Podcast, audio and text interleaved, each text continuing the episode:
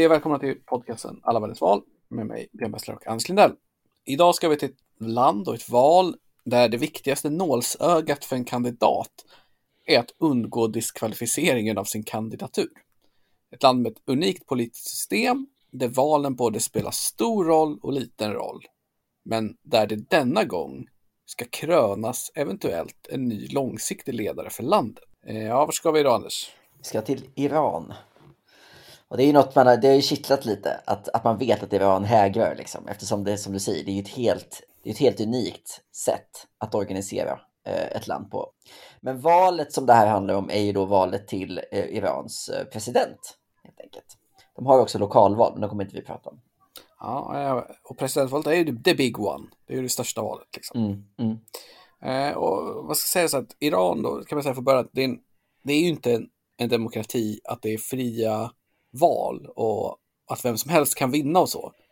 Eh, och de är ofria av flera anledningar. Men det val man har, och det här valet och presidentval, det är väldigt betydelsefullt för vilken politik som förs Mm. inom ett visst spektrum. Och det tillåts en politisk konflikt i det här spektrumet mellan liksom mer konservativa och mer reforminriktade politiker. Och vem som vinner valet, det spelar stor roll för vilken politik Iran sen för. Men eh, du har ju spenderat eh, tre månader med att försöka specialstudera det iranska politiska systemet och alla dess nyanser. Så om du liksom bara drar det politiska systemet på pappret och så försöker vi sen eh, tolka in det hur det funkar i praktiken. Mm.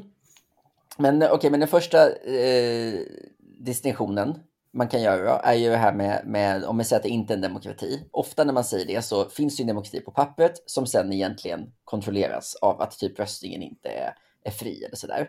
Det som är genomgående i Irans eh, liksom, politiska struktur är ju att man snarare har eh, liksom skurit ur delar av demokratin som man tillåter vara öppna och att man liksom stryper snarare liksom tillförseln till de delarna. Eh, Så, att, så att, och det är ju det som eh, liksom, generellt är det som är fascinerande. Men, men om man eh, liksom börjar med det enkla så är vi ju en republik. Man har ju en president som, är, som liksom har stor makt inom, inom systemet. Men presidenten är ju inte den, den liksom huvudsakliga ledaren. Du nämnde liksom den, liksom den långsiktiga ledaren av landet. Utan det är ju det man kallar den, den högste ledaren i, i Iran.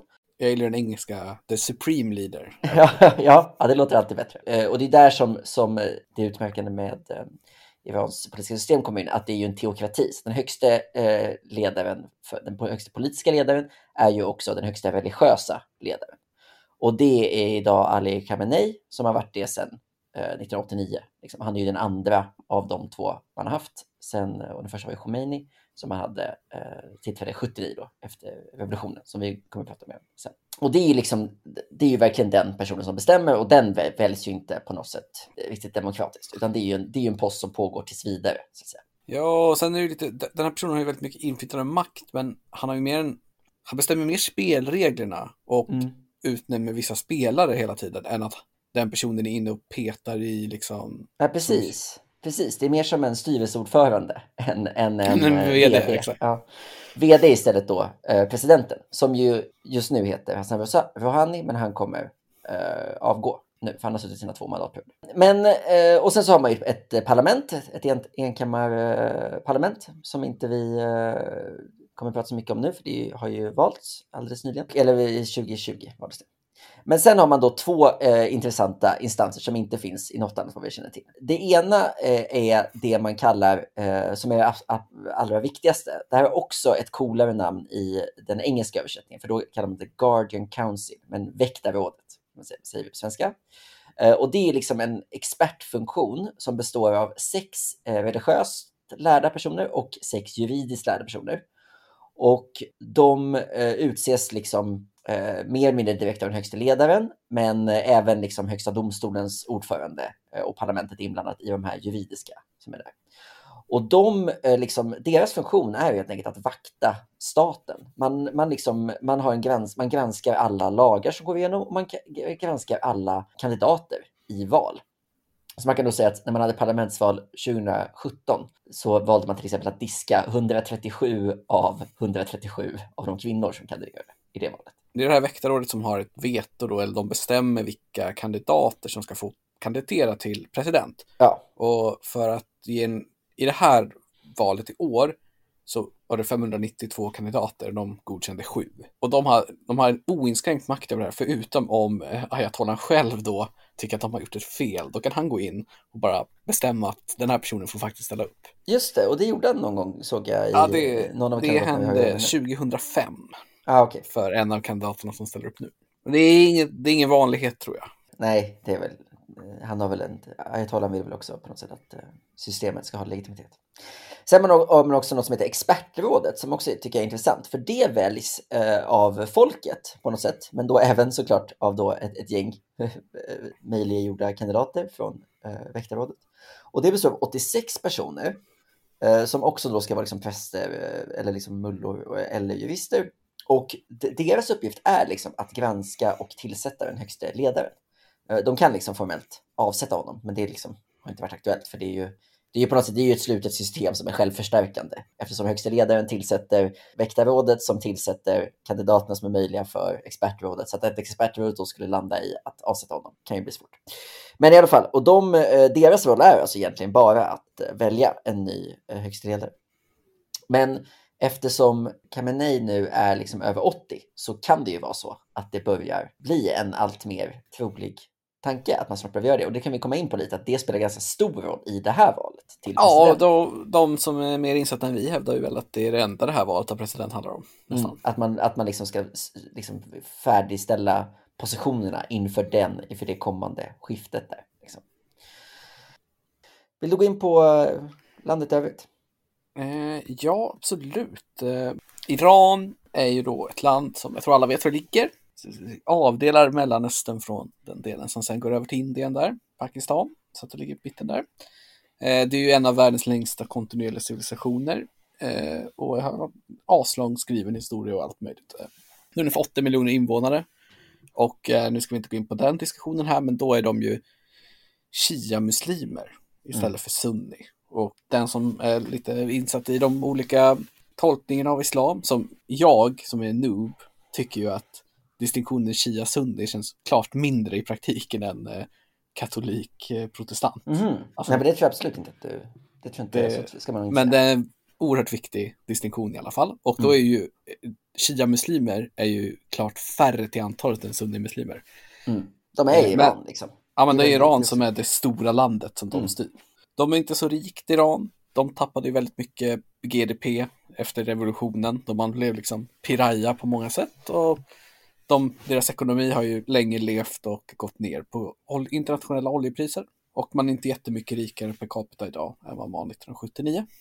Nej, Jag blev faktiskt förvånad det. Jag trodde, att, jag trodde ändå att man välståndsmässigt låg högre. Alltså, om man kollar bara på BNP per capita, vilket väl inte, ja, det är inte ett perfekt mått, men så, här, så ligger man alltså typ i linje med Sydafrika och Mongoliet.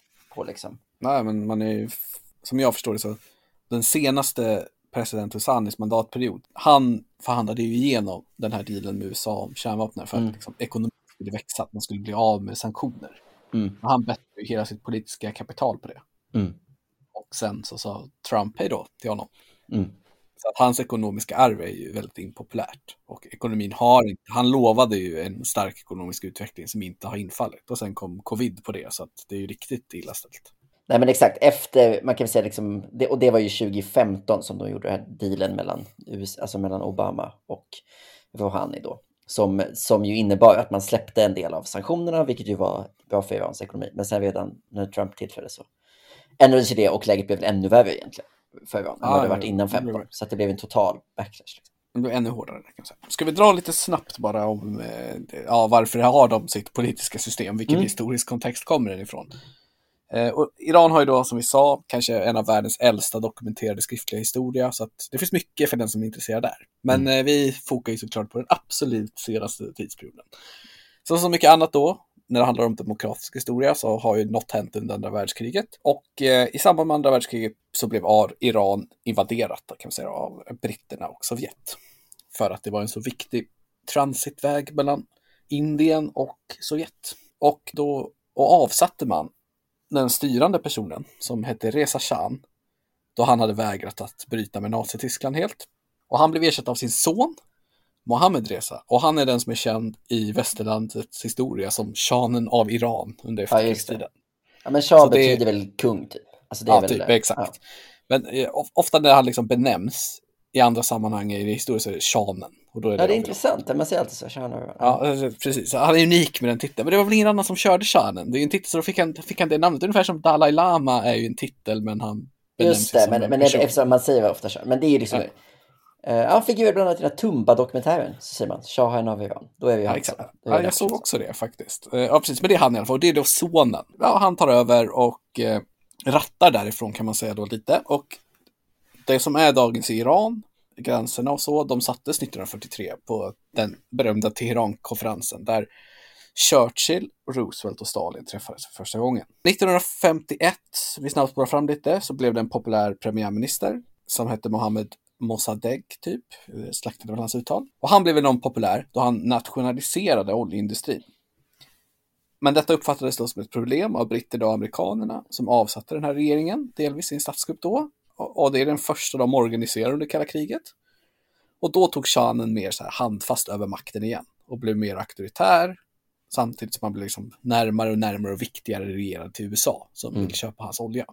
Så innan det här så var shanen liksom ledaren, men det verkade som att, som jag förstår det, vart den här premiärministern som liksom hade den politiska makten. Just det, så lite en palatskupp liksom. Ja, typ så liksom. Eh, shanen stärkte ekonomin, man moderniserade, han var väldigt tydlig med att det var en sekulär stat. Eh, men det var givetvis en stark säkerhetspolis som var mycket aktiv och våldsam och underminerade de politiska motståndarna. Man förbjöd väldigt mycket organisation och det som kanske tillåts var typ liksom religionen kan man säga. Mm. Eh, och, och, det är ju då farligt eftersom, ja, om man bara tillåter folk att träffas i moskéer, vad kommer de få sina idéer och vad kommer de prata om? De kommer fortfarande prata om politik, men genom en viss läns. Och den oppositionella kraft som växte starkt, det var ju flera såklart. Men den, eh, alltså islamistiska var en av dem. Och den kom ju till slut att vinna eh, kampen om Iran. Precis, för det som först, men, men först så är ju en väldigt spretig revolution. Man ska säga. Det, som, det som sätter igång det är liksom både en del bara reformister inom systemet, liksom en del vad ska man säga, liberaler. Det finns ganska stor iransk vänster som är också en del av det. Och så är vi då liksom, den islamistiska, liksom, alltså den politiska eh, muslimska delen. Så att, eh, ja, det var ju ett, ett spretigt gäng som på något sätt var... var ja, precis. Som en bägare som bara långsamt rinner över, som egentligen inte är inget så speciellt som händer, utan det blir en ekonomisk downturn och liksom bara en, en, en gnista tänds mm. helt enkelt. Mm. Och shanen tvingas fly och avsätts. Och då kommer ju till slut då eh, Koimani till makten som hade varit i exil och varit i fängelse och lite parentes, han hade ju också såklart då en vända i exil i Paris. Mm, För det har ju, har ju alla under 1900-talet som är i exil. Är man i politisk exil, så då, då drar man till Paris under 1900-talet. Tycker jag är tydligt när man gjort research i den här serien.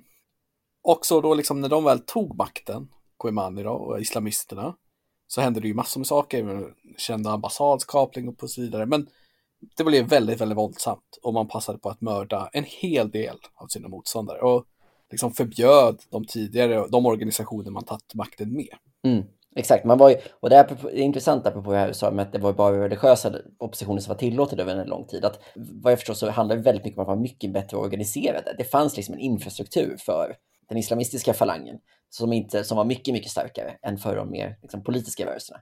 Så de slogs ju ut snabbt liksom, och blev ju. Ja, och så tog man liksom eh, makten med våld. Och sen så körde man på där. Så att målet var ju sen att bli liksom hela islams ledare och man hamnade i många konflikter med sina grannländer. Man har ett jättestort krig där man blir attackerad av Irak på 80-talet. Eh, som sen liksom stängs i början av 90-talet. Huvudfienden för Iran är Saudiarabien har varit alltid ungefär, sen de här tog över då. Och så har man såklart jättekonflikter med USA och Israel under tiden också. Mm. 90-talet var en lite så här en era av mild reformism efter Irakkriget och ekonomin gick upp igen. Men fokus för Irans politiska ledning verkar ligga på kärnvapen, religion, Israelfrågan, kopplingar till eh, Hamas och Hezbollah och eh, mer kärnvapen och USA igen och USA igen. Och eh, ja, där är vi ungefär. Mm. Eh, sen har de ju haft politiska, olika politiska eror kan man ju då säga de senaste 20 åren. Mm.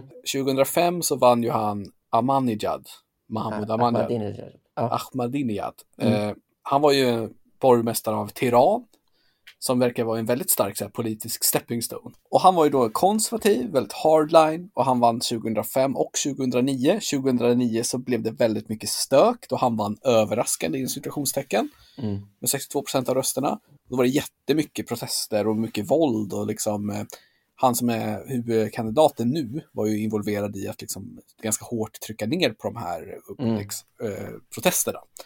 Men det var då han- det fanns, det var den här eh, Mir Hossein Mousavi som var en liksom progressiv kandidat. Så det, där, där var ju verkligen, apropå det, där tilläts det liksom en, en riktig opposition inom systemet. Och det blev liksom stora protester på gatorna i det som kallas den gröna, gröna rörelsen tror jag. Ja, det var ju lite så här västerländska förhoppningar om att nu faller hela skiten där. Mm. Men det gjorde det inte, utan han satt kvar, körde två mandatperioder. Han försökte ställa upp i år igen, men blev nekad av eh, Council. 2013 var det istället Hassan Rouhani och han är ju då mycket mer av en, moder alltså en moderat politisk röst. Precis, så att han är ändå ett steg, han har varit ett steg åt liksom, att göra lite reformer och sånt där. Ja, precis. Han har ju velat göra hela dealen med USA. Hans viktigaste politiska gärning var ju överenskommelsen som slöts med Obama. Mm. Som sen Trump eh, drev upp. Eh, och han vann igen 2017 och då kom Ebrahim Rassi, eller vad heter han? Eh, Ja, just det, Raisi. Raisi, som är huvudkandidaten i rad, fick stryk av Rouhani 2017. Mm.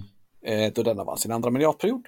Och eh, Rouhanis politiska arv, som gör då har vunnit de två, det ses som en aning misslyckats då, eftersom Mm. avtalet med USA, som är så himla himla viktigt, eftersom USA har så oerhört mycket makt och inflytande över hur världens ekonomi fungerar, det får man ju ändå säga utan att det blir en överdrift. Ja, att du är ingen Och har bara för att du säger. Nej, nej, det är jag inte. Eh, och, och de har ju då liksom effektivt med sanktioner lyckats förhindra Irans ekonomi från att växa och utvecklas. Ja. På grund av att då, för att Iran har den här idén om att de behöver kärnvapen, vilket man kan ha en diskussion om, behöver de verkligen det?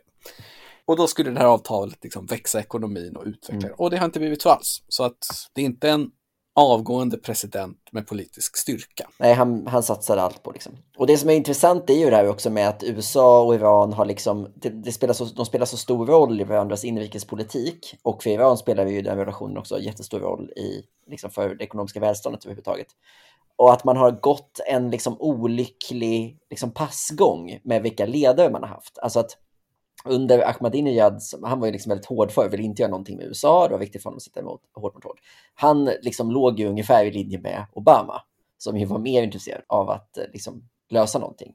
Och sen så hade man en kort period, det var väl ett år eller någonting, då Obama och Rouhani överlappade. Liksom.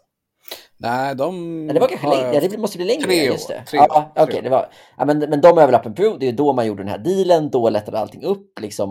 Och sen, och sen tillträdde Trump och då liksom, Man kan säga så här, det, det fanns ingen möjlighet, sen blev det en liten möjlighet, sen fanns det ingen möjlighet igen. precis. Och nu Och när, när kommer det ju inte finnas någon möjlighet igen. heller. Precis, nu när USA har bytt från Trump, då kommer förmodligen också Iran att byta från eh, Rouhani. Men ska vi, och vi, det kanske för oss in på kandidaterna. Ja, det kan vi absolut göra. Så vi går över till kan, de sju av de 592 som klarade sig. Vi kan ju börja med att säga att det fanns, det här valet ses ju av oppositionen som en krattad manege där svaga motkandidater till Ibrahim Raisi har valts ut. Och några kandidater som diskades av det här rådet på ett ganska, här, utan att vara insatt i Irans politik tillräckligt mycket, på ett ganska fascinerande sätt, är sittande vicepresident.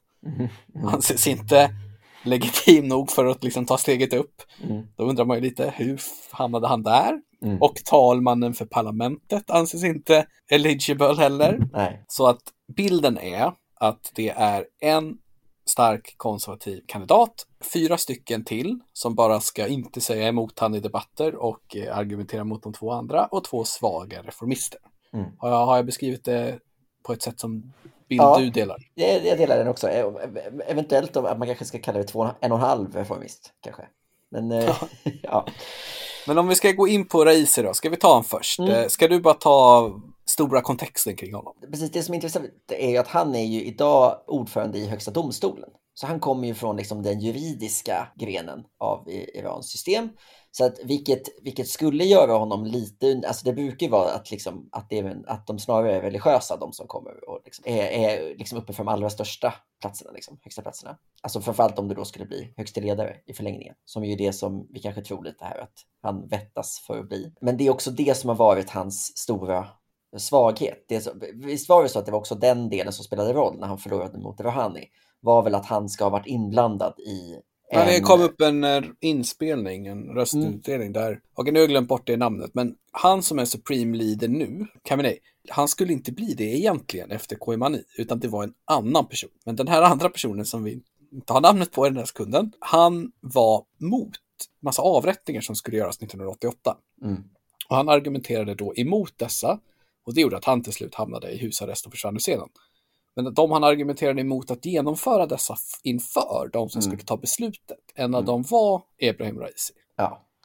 Han... Och det här kom fram under valrörelsen 2017 och, ja. som då Raisi förlorade. Och då blev han attackerad av Rouhani för de här grejerna. Man kan säga att han har, han har använt sin position i rättssystemet för att uh, möjliggöra en del ganska en eh, ganska sunkig behandling av oppositionella. Och som sagt, det som, det som på något sätt, han ska ju vara liksom den handplockade favoriten av Khamenei att han vill ha honom som sin efterträdare. Liksom. Och, då, och då måste man vinna ett presidentval. För det var ju det som Kaimi gjorde. Mm. Han var president av Iran när han blev Supreme mm. Leader. Och att, och att bli Supreme Leader utan att ha haft ett sånt här typ av folkligt mandat anses då på något sätt vara omöjligt. Det är intressant för de har ju bara bytt en gång förut så det kanske inte riktigt finns någon praxis heller. Utan man vill kanske också lite ta det säkra för osäkra känns det som. Att det är bäst att man, att man på något sätt har gett honom ett starkt mandat. Precis, för det verkar ju jätteviktigt att han vinner det här om han ska mm. bli det.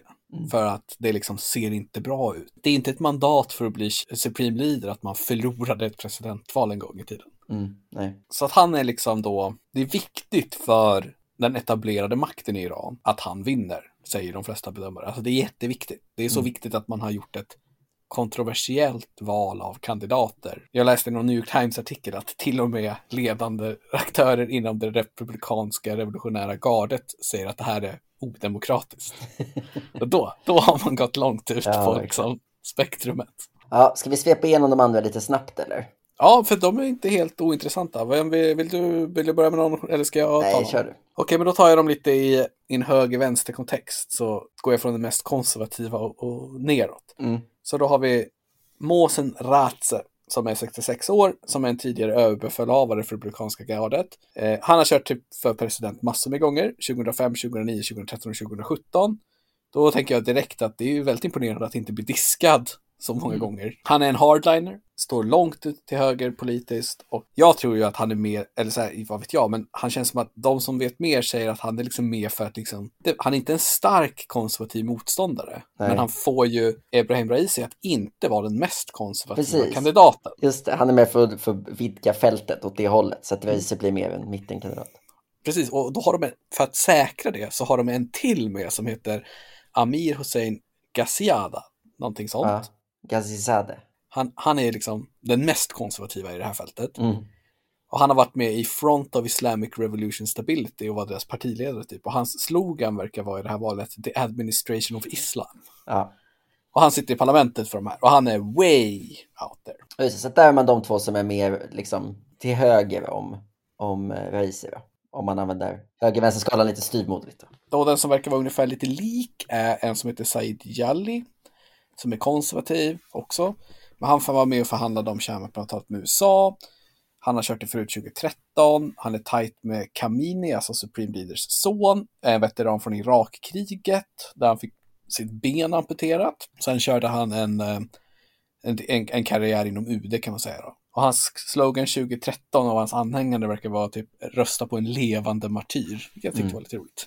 Så han kör också och sen finns det en till som verkar vara någonstans lite lik där som heter Alireza Sakani. Hans det som gör att han sticker ut i det här fältet är att han har nekats att delta två gånger förut, men fick mm. vara med den här gången. Och han är tajt med tidigare president Amininjad. Och han anses vara liksom också konservativ. Och sen finns det då två reformister kan man säga. Och då är det Hemati som är centralbankschef just nu, sittande.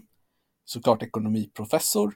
Och är nära kopplad till Rouhanis ekonomiska politik. som ju då är kanske då att han fick ställa upp känns lite arrangerat eftersom han är liksom ekonomiskt kopplad till Rouhani och Rouhanis ekonomiska politik är jätteimpopulär. Mm. Så att han är liksom en av reformisterna. Och sen har de hittat en gammal reformist till som heter, heter Måsen Meralisaden. Och han är före detta guvernör över en provins. Och han är gammal, han har inte gjort något på länge. Utan han var med och var en insider under den första reformistiska presidenten Katami som satt från 97 och framåt. Och han har ställt upp en gång tidigare 2005 och det var då the Supreme Leader själv gick in och godkände honom. Mm. Eh, och han är enda kandidaten som är, inte har någon koppling till liksom, nuvarande makt eller stater, utan han är en outsider så. Och det är inget övertag i Iran att vara det. Och han ses som en kandidat som liksom är reformisten som finns på papper, men som inte är den rörelsens favoritkandidat eller har någon styrka eller position inom den. Så Mm. det här är fältet som anses då vara handplockat för att Raisi ska kunna vinna. Det som är, är spännande här är att man det finns ju också, av det man hör, så är ju, är ju liksom tonläget i befolkningen i Iran extremt, extremt högt. Så det är speciellt att det inte avspeglas i kandidaterna överhuvudtaget. Liksom. Så att det är ju det som på något sätt vågspelet här från regimen, om man ska säga, handlar ju bara om vad det för grovt att släppa fram det här fältet sett till befolkningens upplevelse av de politiska behoven.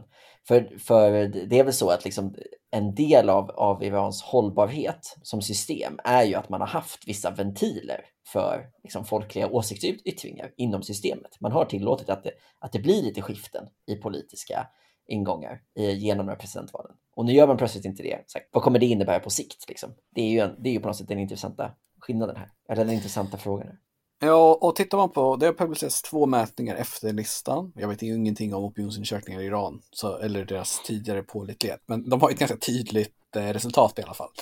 Eh, Mm. Raisi leder med 49 procent av rösterna i den senast. Mm. Och den som ligger tvåa är Jaili med 2 procent av rösterna. Men Mm. det, det betyder ju då för den som kan matte att det är en jätte, jättestor del som inte tänker rösta eller är osäkra och det är Mm. 44 procent. Mm. Och det är då kanske de som tänker bojkotta. Eh, För det är ju det som är de liksom mer organiserade reformistiska rörelserna. Bara gillar ju ingen kandidat. Nej. Och då har de sagt att de tänker bojkotta vad det verkar. För ja, han leder ju med 47 procent då. Så det ser ju lite avgjort ut. Och jag läste en referat från eh, en debatt som hade varit den första av tre. Och då var det lite att eh, eh, de, de två reformistiska kandidaterna blev liksom attackerade av alla andra förutom av eh, Raisi. Mm. Och när de attackerade Raisi, de här reformistiska, så blev de liksom, Raisi lite försvarad av de andra konservativa kandidaterna till och med. Så att det var liksom, han behövde inte göra så mycket själv. Och då anklagade ju då de här reformistiska kandidaterna, de andra för att bara vara där av den anledningen och sådär. Så, där. så det verkar ju vara liksom, om man ska se det här som någon ska säga, managed eller controlled democracy, Mm. så verkar ju tågen gå i tid här för Raisi- Raisi på något sätt. Mm. Att han ser ut att vinna det här. Än så länge har det inte varit några stora protester. Och då ligger väl vägen öppen, antar jag. Ja, det verkar väl... Och det är inte ett lätt land att ta över givet att det är otroligt stora ekonomiska utmaningar. Det har varit en otrolig covid-katastrof och det är liksom, även om den utrikespolitiska diskussionen såklart alltid är närvarande så känns det som att de har inhemska problem mer än nog att ta tag i. Mm. Och det är ju svårt för oss att liksom eh, överblicka liksom. Men det finns ju en, alltså, det, alltså Irans samhälle är ju mycket, mycket större än den iranska staten liksom. Det är klart att det finns ett, ett missnöje som ger sig, ger sig uttryck liksom. Och det är väl det som Ja. är intressant de kommande åren, hur mycket så här, den här på något sätt lilla offensiven från eh, liksom den konservativa delen av, av regimen, Ja, Det hur här är den kommer slå ut. Det ses ju av bedömare som en jätteoffensiv av de konservativa som, Mm. säkrar, som säkrar makten framöver över Irans samhälle om det nu blir så att Raisi ersätter som Supreme Leader under Mm. de kommande åren, vilket de många tror. Mm. Och det blir väldigt intressant att se hur stort rösten han faktiskt får i valet. Att han Mm. kommer vinna, det är, det är givet som det ser ut. Liksom. Mm. Ja, och Men- valdeltagandet blir också då intressant. För det, blir, Exakt. det blir liksom sättet, eh, skolk blir liksom sättet att, att påverka nästan. Ja, för att vi kan ju snabbt kolla upp hur många som röstade i valet 2017. Då fick, han, då fick Rouhani nästan 24 miljoner röster Mm. och Raisi fick 16 miljoner röster. Mm. Och det blir ju intressant att se hur många röster han får den här gången. Mm. För att ska man upp på över 50 procent, då ska man upp över 20 miljoner röster. Mm. Får han det verkligen? Mm. Mm. Eh, det kan ju också vara så att det blir en situation där han vinner, men med ett ganska lågt antal röster. Det var 73 procent valdeltagande sist. Och även om det inte är ett demokratiskt system så betyder ju de här saker, siffrorna saker. Ja, verkligen. Precis. Det, det, det blir kanske inte spännande exakt vad som händer den, den 18 juni, men det är en spännande tid i Irans politik, helt enkelt. Vi eh, ska väl runda av nu. Vad, och eh, vi har ju sagt mycket att så här, det snart är någon slags eh, sommarlov för oss, men det tickar ju in här lite extraval i alla möjliga länder. Både Algeriet och Armenien ska nu också ha val, så att vi, vi tuggar på här en liten vårtermin. Spännande med Armenien. Ja, det är om det. Skriv gärna till oss på varendaval.gmail.com och eh, håll utkik efter kommande avsnitt. Har du något mer Björn? Nej, det är bra så. På återseende. Ha det bra.